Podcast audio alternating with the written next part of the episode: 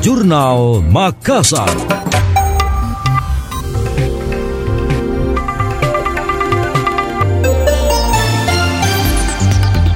Kementerian Pekerjaan Umum dan Perumahan Rakyat PUPR melalui Balai Besar Wilayah Sungai BBWS Pompengan Jeneberang terus berupaya mengoptimalkan pemanfaatan infrastruktur pengendali banjir guna membantu mengatasi banjir di Kota Makassar.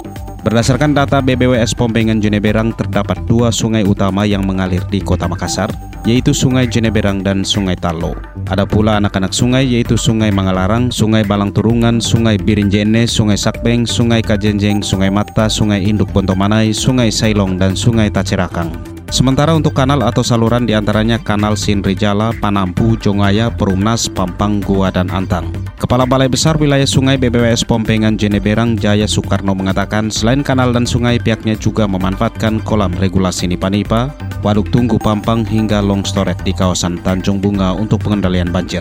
Jaya menyebut pemeliharaan sungai dan saluran di Makassar dilakukan agar fungsi utamanya tetap sesuai dengan kapasitas, sehingga dapat meminimalisir terjadinya banjir akibat luapan. Jaya menuturkan pihaknya tidak sendiri dalam melakukan upaya pemeliharaan kanal dan sungai. Dalam beberapa kegiatan, pihak TNI dan pemerintah daerah ikut membantu.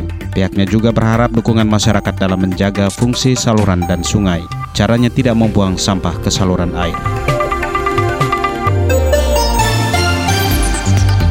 Kementerian Lingkungan Hidup dan Kehutanan KLHK melanjutkan sosialisasi Subnasional Indonesia's Forest and Other Land Use atau Volunet Carbon Sing 2030 di Makassar. Kegiatan ini merupakan rangkaian sosialisasi di 22 provinsi yang menjadi target KLHK tahun ini.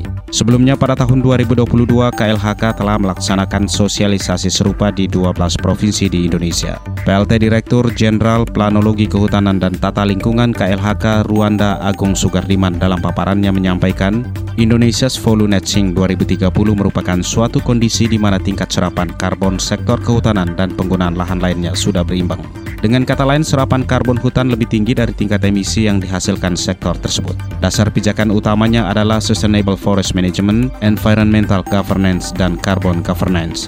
Sasaran yang ingin dicapai yaitu tercapainya tingkat emisi gas rumah kaca sebesar minus 140 juta ton CO2e pada tahun 2030. Rwanda menambahkan volume netching 2030 dapat dicapai melalui 11 langkah operasional mitigasi sektor volume. Di antaranya pengurangan laju deforestasi lahan mineral, pengurangan laju deforestasi lahan gambut, pengurangan laju degradasi hutan lahan mineral, pengurangan laju degradasi hutan lahan gambut. Kemudian pembangunan hutan tanaman, sustainable forest management, rehabilitasi dengan rotasi, rehabilitasi non-rotasi, restorasi gambut, perbaikan tata air gambut, dan konservasi keanekaragaman hayati.